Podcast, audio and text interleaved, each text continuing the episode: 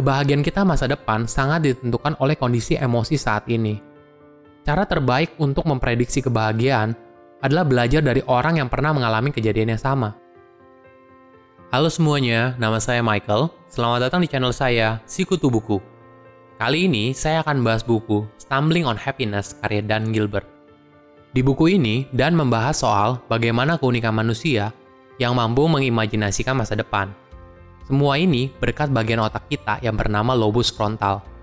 Hebatnya lagi, otak kita mampu memprediksi dengan cepat di hampir semua bagian dalam hidup kita. Menariknya, buku ini nggak mengajarkan bagaimana cara kita untuk bahagia. Tapi, buku ini akan meyakinkan kamu bahwa menjadi bahagia itu sulit, karena cara pemikiran kita bekerja sendiri, dan memberikan contoh kalau mata manusia itu punya blind spots, di mana ada bagian tidak bisa dilihat oleh mata. Menariknya, ketika kita lihat normal, kita kan nggak pernah lihat ada titik hitam besar yang merupakan area dari blind spot tersebut. Hal ini terjadi karena otak kita mengisi kekosongan visual dari blind spot. Jadi apa yang kita lihat di dunia ini itu bukan 100% realita, tapi ada juga bagian rekonstruksi dari pikiran kita Nah, saya merangkum tiga hal yang menarik dari buku ini. Pertama, perasaan saat ini berpengaruh pada cara kita melihat masa depan. Otak kita pada dasarnya tuh lebih peduli soal saat ini daripada masa depan. Ini merupakan insting naluriah dan sangat dibutuhkan untuk bertahan hidup sejak zaman dulu. Jadi kalau misalnya kita ambil contoh, kita tuh sulit membayangkan bagaimana sih rasanya lapar kalau misalnya kita sedang dalam kondisi kenyangan. Contoh lain itu tuh kayak kita belanja untuk kebutuhan sehari-hari tapi dalam kondisi lapar kemungkinan kita akan banyak membeli makanan yang nggak perlu. Beda halnya apabila kita sedang dalam kondisi kenyang. Kita mungkin akan beli makanan dengan jumlah yang lebih sedikit.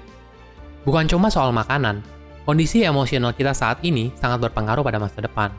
Makanya kita sering dengar peribahasa, jangan ambil keputusan penting saat kita marah. Ini merupakan hal yang tepat, karena keputusan yang kita ambil pasti dipengaruhi oleh kondisi emosional kita saat itu. 2. Memori manusia tidak 100% akurat. Seperti awal dibahas, kalau pikiran kita tuh selalu mengisi gap yang ada. Kita tuh nggak bisa 100% percaya apa yang ada di memori kita. Pada dasarnya, pikiran kita tuh hanya mengingat kejadian aneh atau unik, daripada kejadian yang normal. Contoh ya, ketika kita pergi makan malam, kita cuma ingat kalau misalnya restoran yang kita datangi, ternyata makanan kita gosong. Kita tidak akan ingat hal lain di malam itu, selain makanan yang gosong. Hal lain soal memori adalah soal ingatan kita tentang sesuatu. Seperti misalnya ingatan kita soal restoran yang ngasih kita makanan kosong. Kita pasti langsung menggeneralisir untuk nggak mau datang lagi ke sana, karena makanannya gosong. Padahal itu hanya satu dari sekian banyak kunjungan kita ke sana. Ketiga, kita tuh nggak unik. Mungkin kita tuh nggak merasa diri kita tuh lebih baik, tapi sebagian orang merasa dirinya tuh unik. Kayak misalnya nih, di saat epidemi COVID-19, mungkin banyak orang berpikir, ah nggak bakal kena lah. Saya berbeda dengan orang lain, saya kan masih muda dan sehat. Padahal kita bisa belajar dari pengalaman orang lain.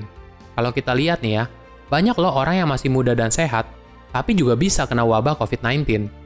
Kenyataannya, situasi dan hidup kita tidak jauh berbeda dengan orang lain. Tapi pemikiran kalau kita unik dan berbeda, itu ngebuat kita nggak mau belajar dari pengalaman orang lain.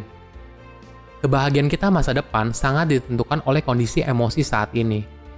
Cara terbaik untuk memprediksi kebahagiaan adalah belajar dari orang yang pernah mengalami kejadian yang sama. Silahkan komen di kolom komentar pelajaran apa yang kalian dapat ketika baca buku ini. Selain itu, komen juga mau buku apa lagi yang saya review di video berikutnya. Saya undur diri, jangan lupa subscribe channel YouTube Sikutu Buku untuk versi animasinya. Bye bye.